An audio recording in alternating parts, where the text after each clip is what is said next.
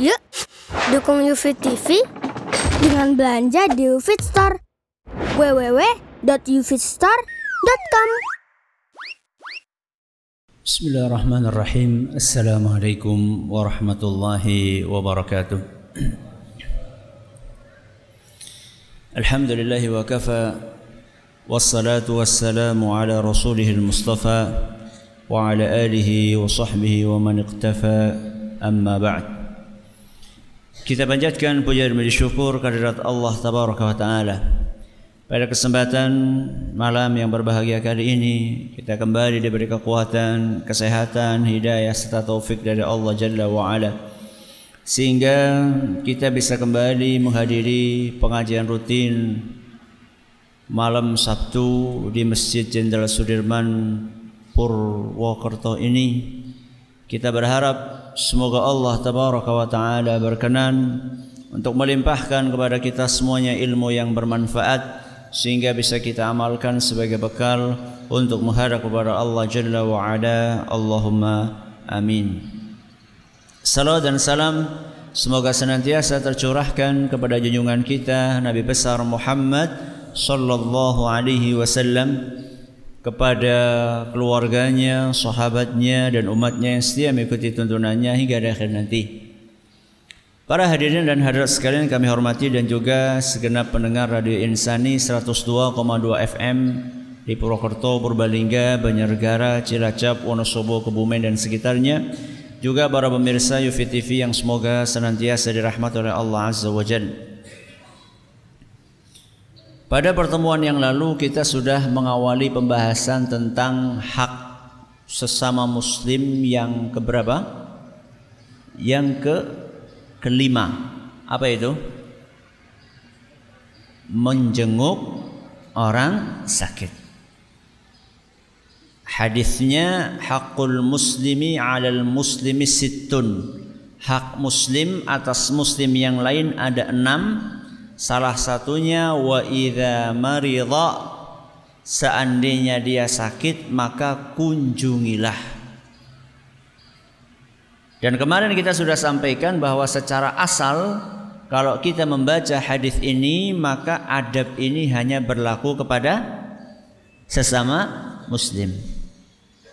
Karena di awal hadis bunyinya hak muslim atas muslim yang lain. Akan tetapi kemarin kita telah sampaikan bahwa Rasulullah SAW ternyata dalam kesehariannya beliau pun juga bukan hanya membesuk Muslim, tapi juga beliau membesuk non Muslim yang sakit. Kita bawakan berapa hadis kemarin? Dua. Yang pertama Rasulullah SAW membesuk bocah Yahudi. Kemudian yang kedua Rasulullah SAW membesuk pamannya sendiri Abu Talib yang musyrik. Karena itulah kemudian para ulama kita menyimpulkan bahwa hukum membesuk orang sakit dari non muslim itu boleh kalau ada apanya? Kalau ada maslahatnya. Apa kemarin maslahatnya? Bisa ngajak ke ajaran Islam ya walaupun tidak harus saat itu menyampaikan menarik hatinya terlebih dahulu atau karena adanya hak atas kita. Contohnya hak apa kemarin? Hak tetangga. Ini ringkasan apa yang kita sampaikan pada pertemuan yang lalu. Seperti yang saya janjikan kemarin bahwa di akhir kajian pada pertemuan yang lalu sebenarnya kita akan membahas satu poin yaitu sakit seperti apakah yang layak untuk dibesuk. Ya. Jadi orang yang sakit seperti apa yang diperintahkan untuk dibesuk di dalam agama kita? Apakah harus penyakit yang parah atau sekedar penyakit ringan saja pun dianjurkan untuk dijenguk? Penyakit ringan seperti apa? Panu, Penyakit panu nang kantor ya ketemu. ya. Kalau kita uh, perhatikan hadis Nabi SAW yang kita bacakan kemarin, yaitu yang ada dalam Bulughul Maram, kita akan temukan wa idza maridha fa'udhu. Seandainya saudaramu itu sakit, maka jenguklah dia. Di sini Rasulullah SAW mengatakan sakit, nggak membeda-bedakan apakah itu sakit parah atau sakit ringan. Makanya dari situlah kemudian para ulama kita mengatakan bahwa penyakit apa saja kalau memang layak dikatakan sakit, ia dianjurkan untuk dijenguk. Jadi nggak perlu nunggu saudara itu sudah gagal ginjal baru dijenguk. Atau sudah kanker stadium 4 baru dijenguk. ya Sudah pasang ring 10 baru dijenguk. Jadi nggak harus nunggu orang itu sakitnya parah. Bahkan Rasulullah SAW sendiri disebutkan dalam sebuah hadis yang diriwayatkan oleh Imam Abu Dawud. Dan hadis ini dinyatakan hasan oleh Syekh Albani Rasulullah SAW juga pernah menjenguk salah seorang sahabatnya yang satu sakitnya sakit ringan. Sahabat itu namanya Zaid ibnu Arqam radhiyallahu anhu. Beliau bercerita Zaid ibnu Arqam radhiyallahu anhu bercerita adani Rasulullah sallallahu alaihi wasallam min waja'in kana bi'aini Rasulullah SAW menjenguk saya karena sakit di mataku. Di situ nggak disebutkan sakit apa, yang penting sakit mata. Berarti timbilen ya bisa. Ya, tim timbilen. Ya. Pelekan nggak tahu nular nggak pelekan. Pokoknya penyakit uh, seringan apa pun dianjurkan. Kalau panu gimana Ustaz? Ya ngono. ya. Tidak apa-apa. Tidak apa-apa, tapi tentunya ya tidak harus gitu ya. Tidak tidak harus. Akan tetapi Praktek dari Nabi SAW yang saya sebutkan tadi mengajarkan kepada kita bahwa yang namanya menjenguk orang sakit itu tidak harus ketika dia itu sedang sakit parah atau bahkan ada sebagian orang yang jenguknya kalau sudah sekarat. Kemudian keadaannya wis kritis apa urung? Ngesuk jangan kritis ya wis ngesuk banyu mana ya. Justru ketika orang sedang sakit ya kalau dia masih bisa komunikasi bagus. Kalau sudah kritis susah nggak apa-apa, doanya yang diperlukan. Doanya yang yang diperlukan. Maka dari hadis ini dan juga dari keumuman hadis yang riwayat Muslim yang kita bawakan di awal uh, kitab Bulughul Maram, kitab adab dari Bulughul Maram, kita bisa menyimpulkan bahwasanya sembarang penyakit itu dianjurkan untuk dijenguk. Timbul permasalahan. Kalau sembarang penyakit, bagaimana kalau penyakitnya menular? Bagaimana kalau penyakitnya menular? Penyakit menular contohnya apa? Belek kan? Belek kan nular ya? Katanya kalau nggak ngelihat wajahnya nggak katanya. Apalagi coba penyakit yang nular kayak apa misalnya? Kusta, ya betul kusta. Kusta itu apa sih? Dulu semacam penyakit yang menyerang apa? Persendian. Jadi kalau orang yang kena itu pada apa? Pada putus sendi-sendi apa namanya ruas-ruas jarinya. Nasallallahu alaihi Ya. Itu penyakit kusta. Atau penyakit-penyakit yang menular yang lainnya yang kalau sembarang duduk kita bisa ketularan. Dalam kondisi seperti itu, apakah tetap kita dianjurkan untuk menjenguk orang yang sakitnya sakit menular? Para ulama kita mengatakan tidak. Ya. Kalau misalnya pasien tersebut penyakitnya menular dan dikhawatirkan akan menulari kita, maka tidak dianjurkan untuk membesuk. Dan terus bagaimana kita menunjukkan kepedulian kita kepada orang tersebut? Kepedulian itu kata para ulama bisa ditunjukkan dengan cara kita menanyakan kondisinya kepada orang-orang yang terdekat dengan dia. Dengan kerabatnya, dengan orang yang nunggu, dengan dokternya, kalau kita pengen bantu bagaimana Ustadz? Tanya rekeningnya. Tanya rekeningnya. Kenapa sih harus ngasih ketahuan namanya Fulan yang ngasih? Ya sudah tahu rekeningnya langsung transfer. Gak perlu harus tahu ini dari siapa dari siapa. Kalau mau ngasih tahu ya nggak apa-apa. Yang penting ikh, ikhlas. Ya. Apa dalilnya Ustadz? Kalau orang yang penyakitnya itu menular, tidak dianjurkan untuk dijenguk. Dalilnya adalah sabda Nabi sallallahu alaihi wasallam dalam hadis riwayat Bukhari dan Muslim. Hadis riwayat Bukhari dan Muslim ketika Nabi sallallahu alaihi wasallam bersabda firra minal majdzumi firaraka minal asad larilah menjauh dari orang yang terkena kusta seperti engkau lari menjauh dari singa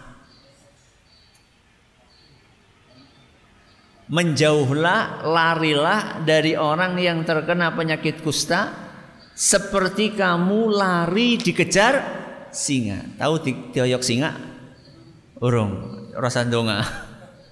Udah kalau misalnya bukan singa, uh, apa? Anjing misalnya. Pernah dikejar anjing? Pernah. The power of kepepet itu. Bisa 60 km per jam itu larinya. Jadi kira-kira seperti itulah. Kita ini disuruh menjauh dari orang yang punya penyakit menular. Ya. Makanya dianjurkan ya untuk tidak mendekat-dekat dengan orang yang penyakitnya menular.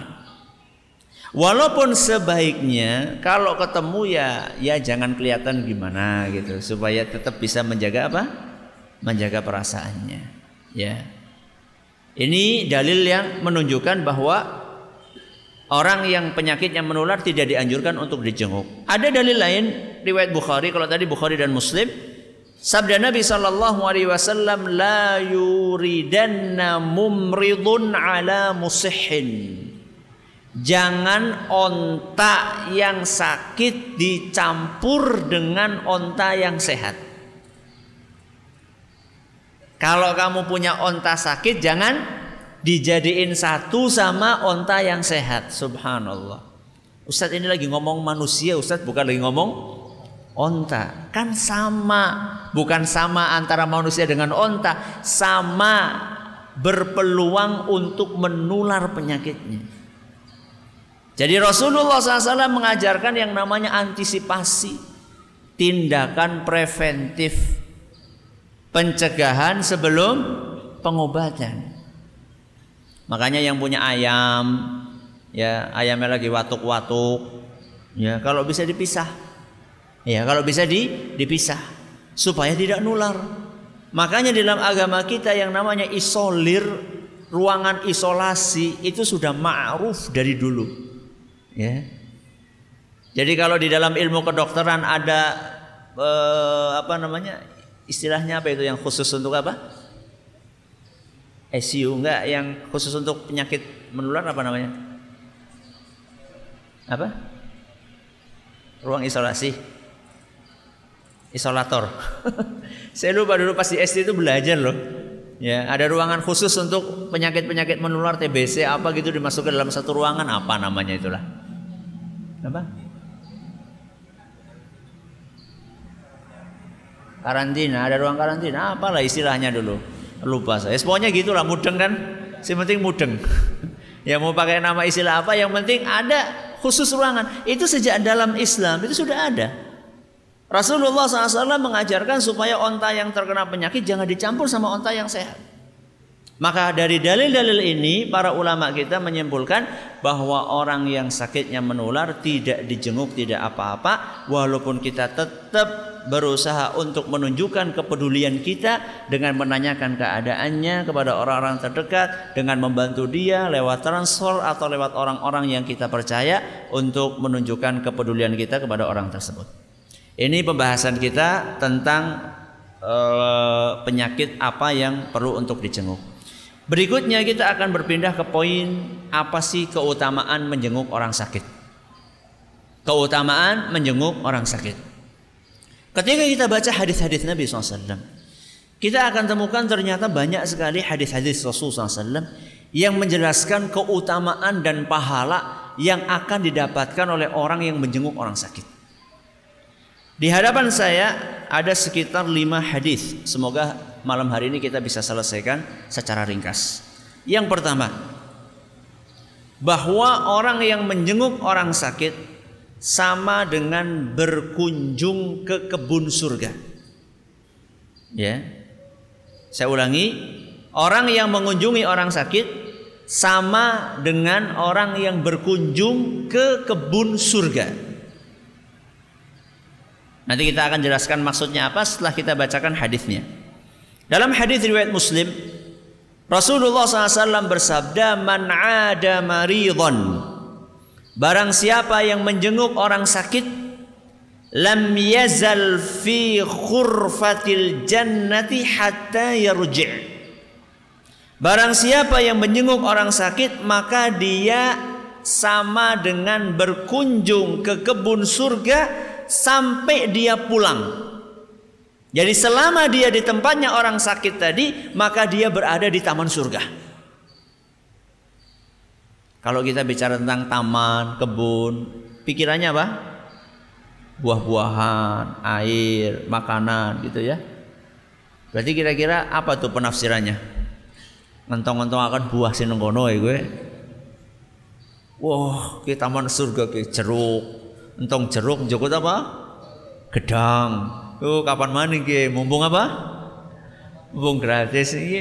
Iki ora ya malah gawe tuna gitu. Bukannya menguntungkan malah merugikan, ya. Apakah itu maksudnya? Para ulama kita mengatakan bukan itu maksudnya.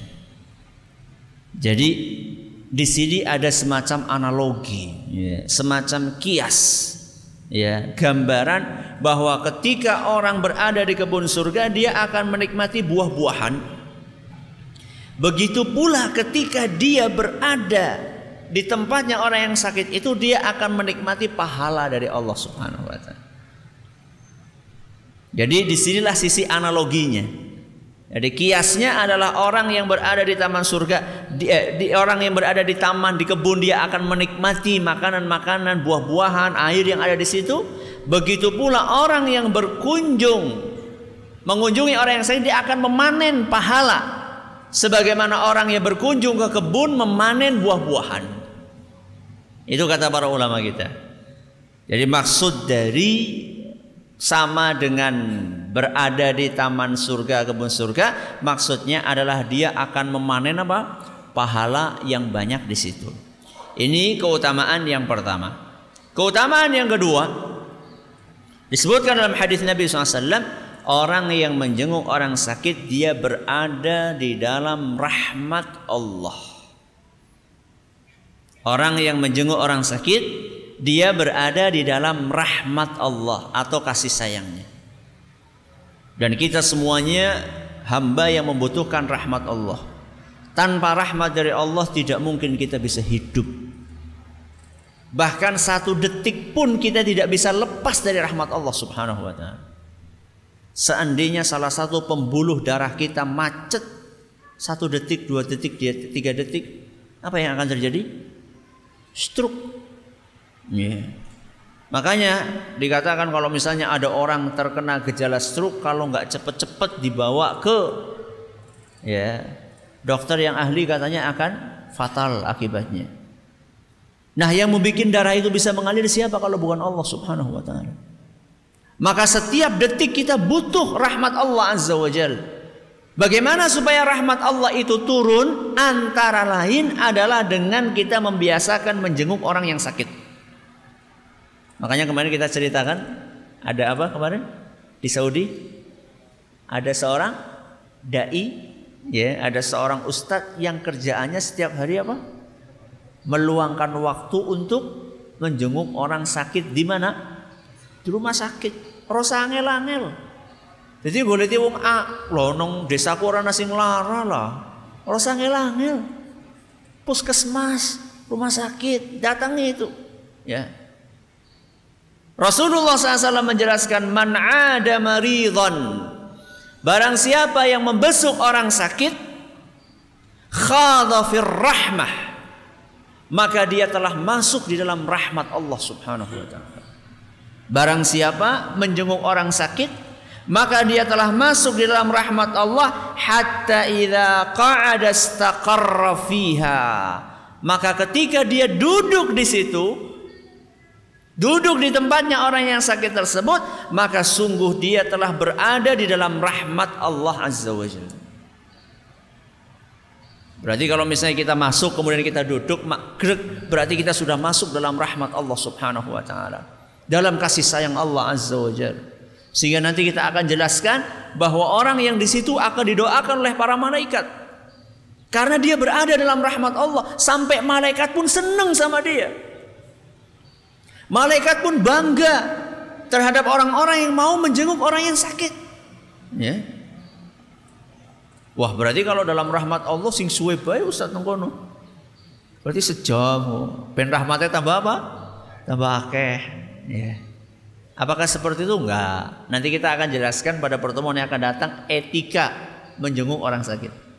Kapan kita lama, kapan kita sebentar. Lihat sikon. Lihat sikon. Ada sebagian orang orang paham-paham. Wis diwe tulisan nang jaba kalau menjenguk jangan lama-lama. Ya eh sih tetap suwe Pasiennya wis bolak-balik delengi jam orang metu-metu. Sing nunggoni wis dehem-dehem kawit mau ora mangkat-mangkat subhanallah.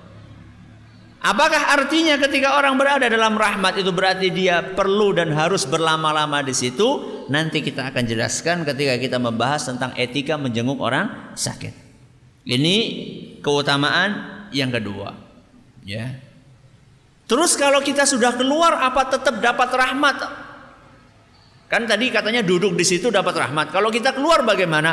Rasulullah SAW mengatakan faida kharaja dalam hadis riwayat lain. Ya kalau yang tadi hadis riwayat Bukhari dalam Al Adabul Mufrad dan dinyatakan sahih Syekh Al Albani dalam riwayat lain yang disebutkan oleh Imam Ibnu Abdul Bar dalam kitab At-Tamhid dan dinyatakan sahih oleh sebagian ahli ilmu disebutkan faida kharaja min indihi seandainya orang tadi keluar dari rumahnya orang yang sakit yang nggak mesti rumah bisa jadi di rumah sakit. Ketika dia meninggalkan tempat orang sakit tersebut, khadar rahmatu khadar rahmata hatta yarji'a ila baitihi. Dia tetap berada dalam rahmat itu sampai pulang ke rumahnya. Berarti nek besuke neng Aceh. Berarti terus itu rahmat itu apa? Menyertai dia sampai pulang kembali. Wah, berarti ngesuk nyontok golek wong lara nang Papua Ustaz. Yang duwe duit yang ngono.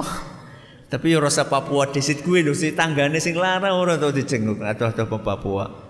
Ya. Ini adalah keutamaan ya kedua. Yang ketiga, keutamaan menjenguk orang sakit akan berbuah pahala yang banyak dari Allah Subhanahu wa taala akan berbuah pahala yang banyak dari Allah Subhanahu wa taala. Dalilnya apa? Hadis qudsi. Hadis qudsi. Di dalam sahih Muslim Allah Subhanahu wa taala berfirman, "Inna Allah azza wa jalla yaqulu yaumal qiyamah." Nanti pada hari kiamat Allah Subhanahu wa taala akan berkata kepada para hambanya, Ya bena Adam maridtu falam ta'udni. Wahai anak Adam, aku sakit. Kenapa engkau tidak menjengukku? Aneh? Aneh enggak? Saya ulangi. Allah pada hari kiamat akan berkata, "Wahai anak Adam, aku sakit, kenapa engkau tidak menjengukku?" Aneh? Aneh enggak? Masa Allah sakit? Ini hadis sahih. Hadis sahih. Allah berkata, "Wahai anak Adam, wahai manusia, aku sakit. Kenapa engkau tidak menjengukku?" Maka dia pun menjawab, "Rabbi, kaifa a'uduka wa anta rabbul alamin?" Wahai Rabbi, bagaimana aku menjenguk kamu padahal engkau adalah Rabbul Alamin? Engkau adalah Rabb semesta alam ini, penguasa alam semesta. Bagaimana mungkin aku membesukmu? Apakah engkau sakit? Kemudian Allah Subhanahu wa taala mengatakan ama alimta anna abdi fulanan maridha falam ta'udhu? Bukankah engkau tahu hambaku fulan sakit? Kenapa engkau tidak jenguk dia? Hambaku fulan sakit kenapa engkau tidak jenguk dia? Ama alimta annaka law udtahu lawajadtani indahu? Apakah engkau tidak tahu seandainya engkau jenguk saudaraku itu eh, andaikan engkau jenguk saudaramu itu niscaya engkau akan dapatkan aku di situ. Bisa dipahami ini? Berarti bukan berarti Allah sakit. Bukan berarti Allah sakit. Akan tetapi Allah ingin menjelaskan bahwa seandainya kita menjenguk orang yang sakit, maka sesungguhnya Allah akan menanti kita di situ dengan pahala yang melimpah ruah. Maka siap-siap nanti pada hari kiamat kita akan ditanya sama Allah Subhanahu wa taala. Tetangga kamu sakit sampai meninggal dunia, kenapa kamu gak pernah jenguk? Akan ditanya sama Allah Subhanahu wa taala. Saudaramu itu loh, mbahmu, kakakmu, adikmu sakit, kenapa tidak kamu jenguk? Siap-siap dari sekarang jawabannya.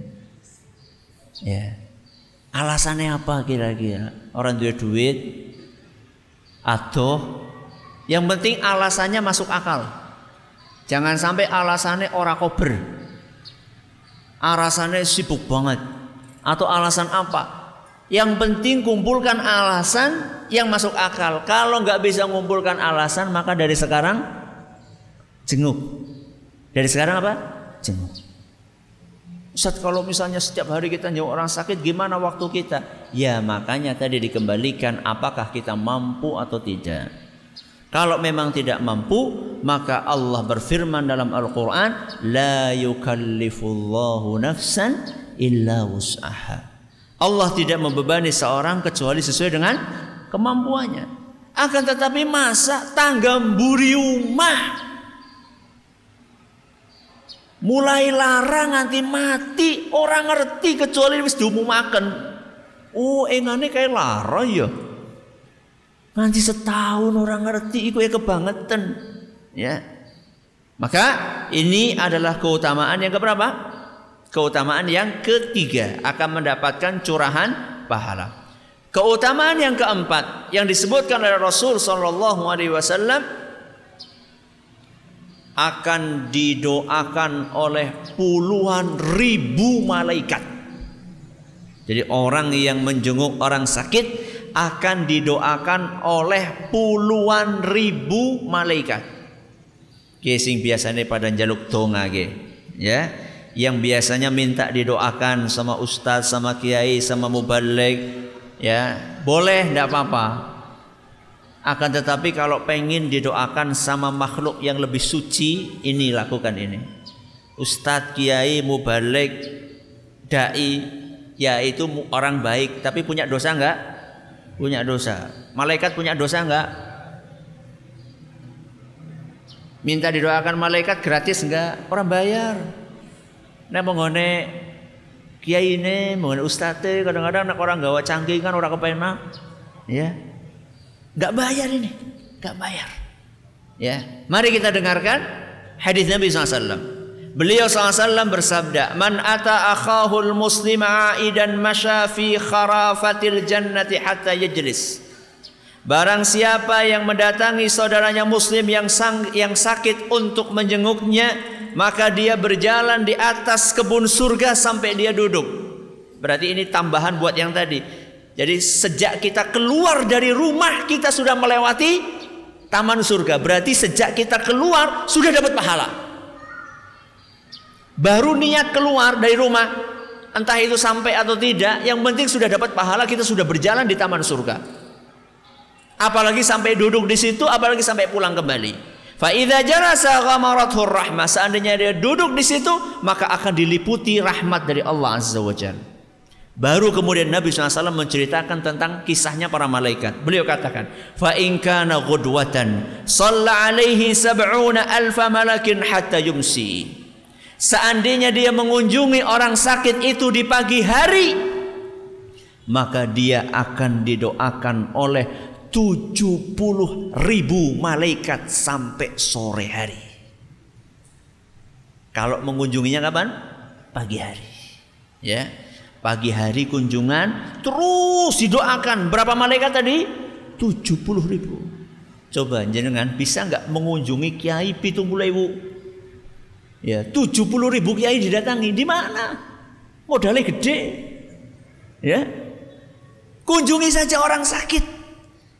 Ngesuk rame-rame ya rumah sakit kayaknya ngesuk pada rame gitu. Ya, biasanya sepi ya. Ki ada apa ki rombongan Kang Jensut ya? Nembe ngaji mau bengi. Baru ngaji tadi malam kita. Pengen dapat doanya berapa tadi? 70 ribu malaikat. Nah kalau sore-sore bagaimana? Wa in kana masaan shalla alaihi sab'una alfa malakin hatta yusbih. Seandainya dia berkunjung di sore harinya, maka malaikat pun akan mendoakan dia 70 ribu malaikat sampai pagi lagi. Hadis riwayat Ahmad dan dinyatakan sahih oleh Syekh Al-Albani. Maka monggo, ini motivasi buat kita semua. 70 ribu malaikat mendoakan tanpa kita bayar sepeser pun. Dan kira-kira doanya malaikat mustajab apa ora? Duh malaikat kok malaikat dibandingkan sama manusia. Manusia banyak dosa. Semakin suci seseorang, peluang dikabulkan doanya semakin besar. Ya. Yeah. Semakin suci seseorang, peluang doanya semakin peluang doa doa dia untuk dikabulkan semakin besar. Yeah. Doa apa Ustadz? Macam-macam. Di dalam beberapa riwayat disebutkan bahwa Allah bahwa para malaikat itu akan memohonkan ampun kepada orang tadi. Mendoakan supaya ya Allah si fulan ampunilah fulan, ampunilah fulan. Makanya yang banyak dosa ini ya, ya banyak banyak dosa. Coba kunjungi orang sakit. Doakan. Nanti akan didoakan sama malaikat. 70 ribu malaikat sekaligus akan mendoakan. Itu tadi bicara tentang pagi sama sore. Kalau siang-siang gimana Ustaz kira-kira? Apa separone apa kepriwe wah saya nggak tahu itu kalau itu.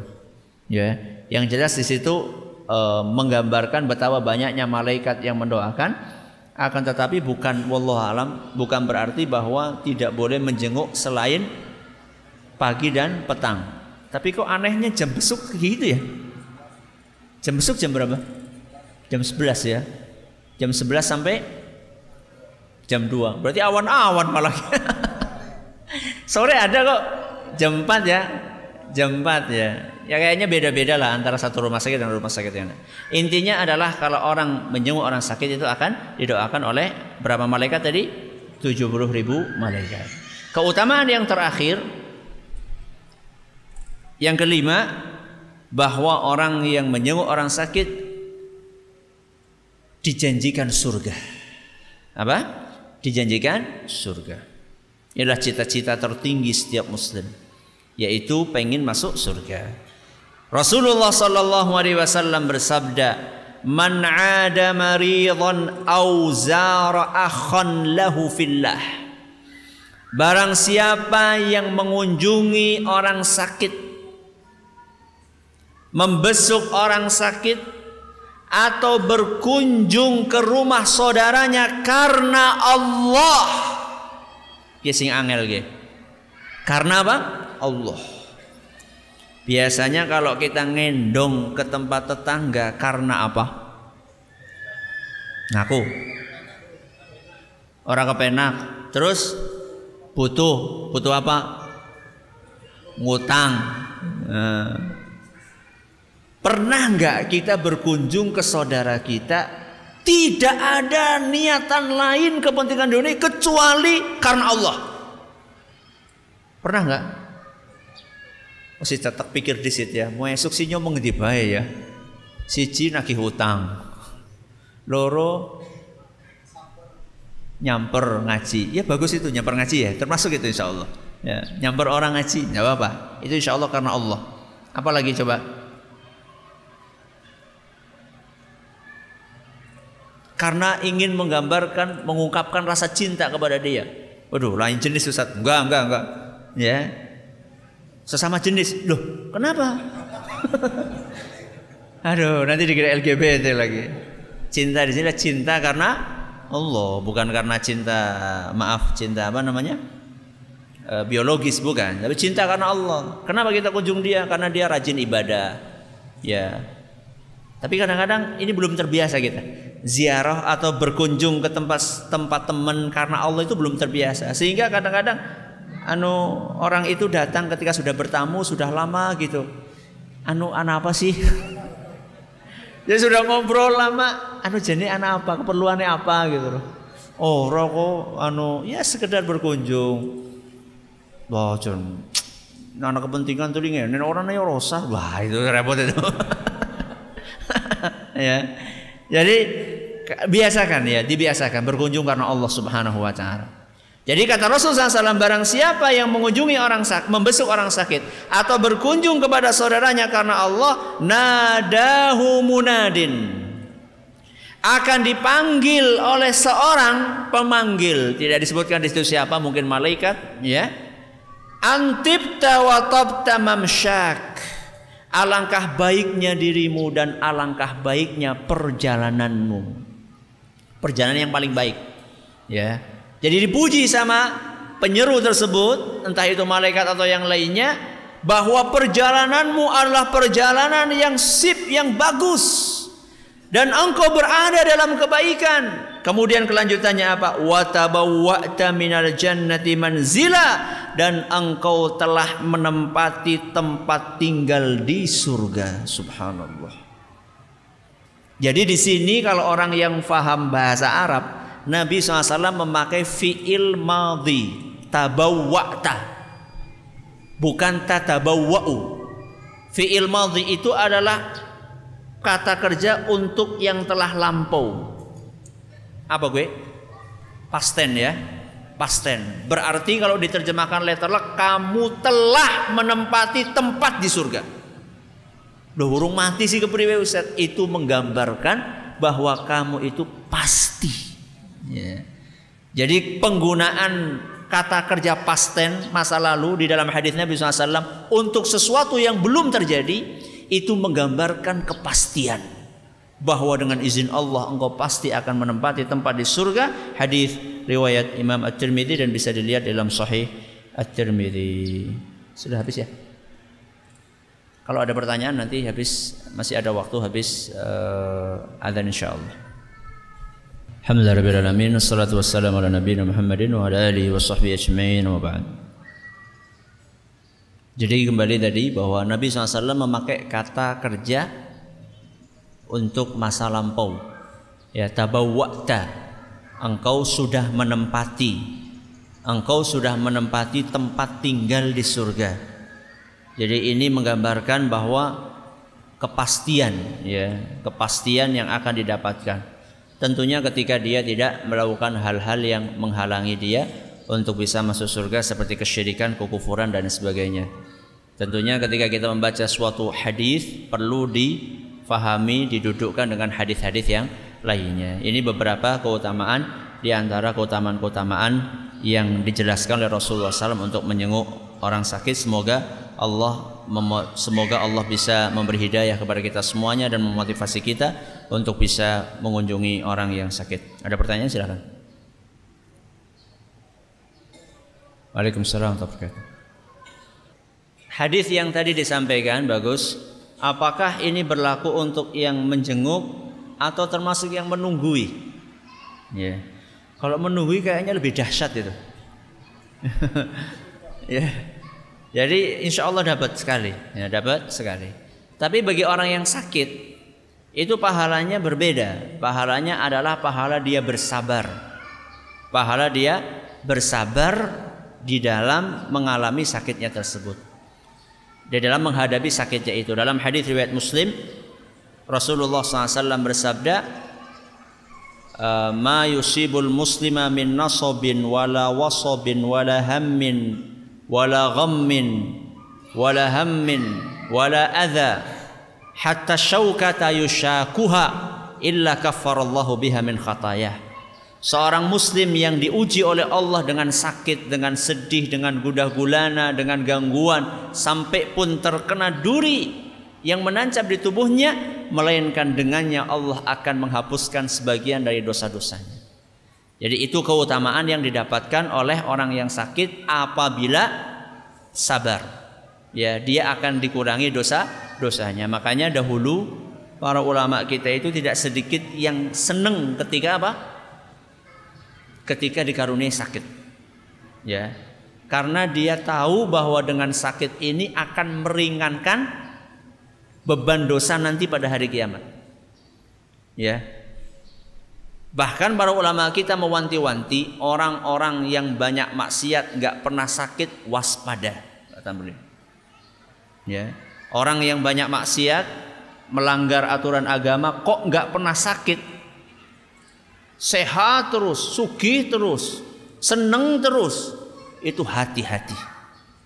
Karena bisa jadi dia sedang mengalami kondisi yang namanya istidraj. Apa? Istidraj istidraj itu dilulu ya. Di diulur dibiarin sama Allah. Dosa-dosanya nggak ditebus supaya nanti pada hari kiamat akan mendapatkan siksaan total.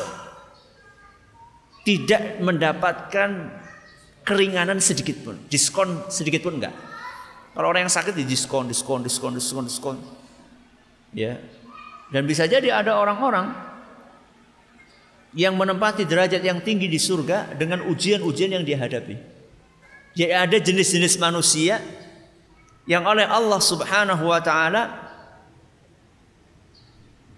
ditaruh di surga nanti pada hari kiamat dengan kesabaran dia menghadapi musibah-musibah yang dihadapi. Makanya kalau misalnya kita melihat ada orang sudah tekun ibadah misalnya kok masih sakit-sakitan, masih ditimpa musibah ini dan itu, ya. Jangan kemudian dikatakan lah mubah teman wis salat ya silara Mending kayak nyong. Orang tahu sholat sehat sugih ya. Enggak, ya. Ukuran seseorang dicintai oleh Allah atau tidak itu bukan mesti dilihat dari apanya? Kekayaan, kesehatan bukan. Ada yang lain silakan. Ya. Suaranya agak diangkat. Atau maju aja. Ini ada apa? Kipas angin jadi kurang jelas kepikiran ini kejadian ini jadi ya ada tetangga satu RT sakit kanker tahu-taunya sudah siaran sudah disiarkan meninggal meninggal dunia. Saya jadi kepikiran Ustaz gitu. Ya kalau nggak tahu sama sekali ya enggak apa-apa ya. Tapi ya alangkah baiknya kalau seperti itu. Kemudian apa? Bertakziah kemudian juga me, apa ya meminta maaf. Ya meminta maaf supaya tidak ada sesuatu yang mengganjal di hati. Minta maaf bahwa kemarin betul-betul ya saya tuh nggak tahu. Kalau tahu dengan izin Allah saya akan kunjungi. Jadi perlu itu untuk untuk menjaga hubungan ya. Makanya di sinilah sebenarnya subhanallah ya. Ketika ajaran Islam itu dipraktekkan maka yang seperti ini, ini bisa dihindari. Apa itu? Antara lain sholat berjamaah. Antara lain sholat berjamaah. Masalahnya kadang-kadang sing lara ya ora tahu jamaah. Sing Arab besuk ya ora tahu jamaah. Akhirnya nggak tahu. Makanya di antara hikmahnya sholat berjamaah itu akan ketahuan siapa yang tidak berjamaah. Kemudian akan ditanyakan, eh si fulan sih ke mana nggak jamaah? Oh si fulan sakit Jadi ketahuan Lah ini masjid kosong Sing lara ya ora tahu jamaah Sing besuk ya ora tahu jamaah Gimana akan tahu Bagaimana akan tahu orang sakit Bukan berarti saya katakan panjenengan nggak jamaah Enggak ya akan tetapi ini menggambarkan kepada kita bahwa ketika aturan Islam itu tidak dilakukan akan banyak masalah itu pasti. Sebaliknya ketika aturan Islam dipraktekkan pasti akan banyak masalah yang bisa dihindarkan dari awal. Ya. Ini pelajaran berharga buat kita semuanya dan berangkat. Semoga Allah memberkahi kita semuanya. Allahumma amin. Terima kasih atas perhatiannya. Menurut segala kurangannya kita tutup dengan membaca Subhanakallahumma wa bihamdika asyhadu an la ilaha illa anta astaghfiruka wa atubu ilaik. Assalamualaikum warahmatullahi wabarakatuh.